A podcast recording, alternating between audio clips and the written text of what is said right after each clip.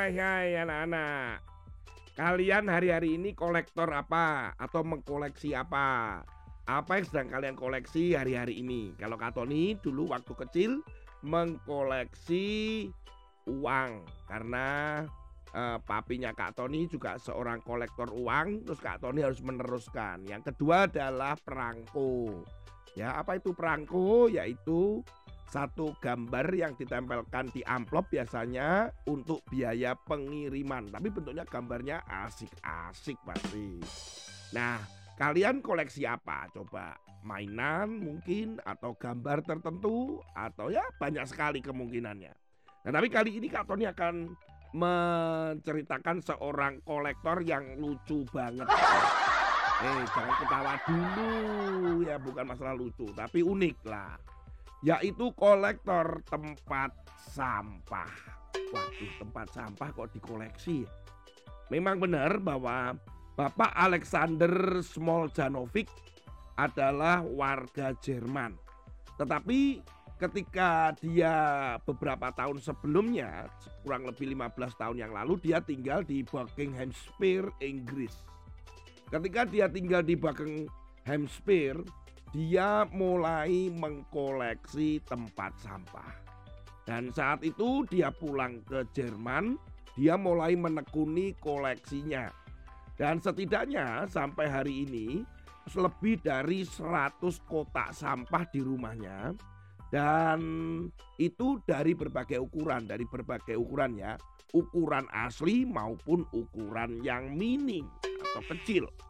Nah kali ini dia sedang mencari Bapak Alexander ini sampah yang ada di Buckinghamshire, Inggris itu yang berwarna ungu. Menurut dia ada sampah berwarna ungu buatan tahun 2002 dan 2010. Sampah itu adalah sampah buatan pabrik yang ada di Liverpool, Inggris. Wah, padahal jarak antara Liverpool dan Buckinghamshire itu 342 km. Tapi tetap saja pokoknya Alexander ini mencari sampah berwarna ungu. Kalau warnanya yang lain mau nggak ya Pak? Ya nggak mau karena itu unik sekali. Biasanya ketika dia mencari tempat-tempat sampah itu, Bapak Alexander ini mau mengganti dengan uang. Tetapi kebanyakan dari orang-orang tidak mau diganti uang. Karena ya memang tempat sampah sih buat apa? Ya diberikan saja kepada Bapak Alexander. Ketika ditanya, Bapak-bapak kenapa sih Bapak ini kok ngumpulin tempat-tempat sampah? Karena menurut Bapak Alexander ini mengatakan hobinya ini adalah bagian dari upaya merekam sejarah. Wah, mari kita wujudkan Bapak Alexander Small Janovic untuk mendapatkan kotak sampah ungu. Gampang kotak sampah dicat ungu diberikan dia aja ya. ya, ada-ada saja ya unik ya. Firman Tuhan hari ini kita akan membaca di dalam pasal yang ke-28 ayat yang ke-15 dari Amsal. Amsal 28 ayat 15 seperti singa yang meraung atau beruang yang menyerbu. Demikianlah orang fasik yang memerintah rakyat yang lemah. Ngomong-ngomong masalah ayat ini tadi kaitannya dengan tempat sampah apa sih Kak Tony? Nah ngomong-ngomong tuh begini.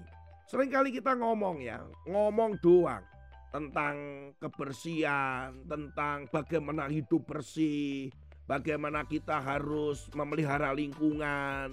Tapi faktanya buang sampah aja nggak bisa.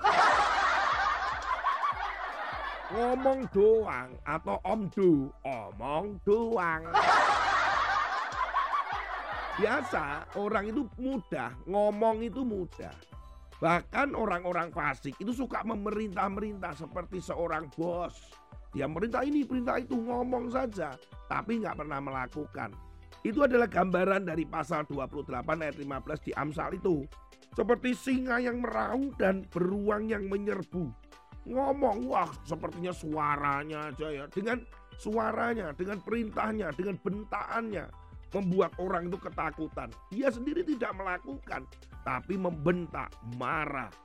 Dan apalagi kata-katanya bentuk makian, hinaan, caci-caci maki. Waduh, ini gambaran daripada orang fasik atau orang yang tidak takut Tuhan. Jadi gunakanlah mulut kita dalam perkataan itu yang pertama, menghibur dan menguatkan. Kalau kita bisa mengatakan berarti kita ya bisa melakukan juga. Jadi jangan menggunakan kata-kata atau suara kita untuk menindas orang, menyakiti orang, temanmu misalkan. Jangan disakiti, diolok-olok, apalagi sampai diinjak atau dihina. Itu tidak boleh. Gunakan setiap kata-kata kita menjadi kata-kata yang membangun, menghibur. Gunakanlah kata-kata atau mulutmu untuk mendoakan orang. Nah, itu pelajaran hari ini. Kalau kita ngomong, buanglah sampah ya kita harus melakukan membuang sampah. Kalau kita berbicara jagalah lingkungan, carilah tempat sampah untuk membuang sampah yang kamu bawa atau jangan membuang sampah sembarangan. Naik motor bersama papa mama, eh buang bungkus permen langsung dilempar. Waduh. Atau mungkin kalian sedang makan roti bungkusnya plastiknya kamu buang sembarangan setelah makan rotinya. Waduh, nggak begitu juga lah. Ya, Kak Tony yakin hari ini kalian belajar banyak tentang mulut atau perkataan. Tuhan Yesus memberkati. Amin.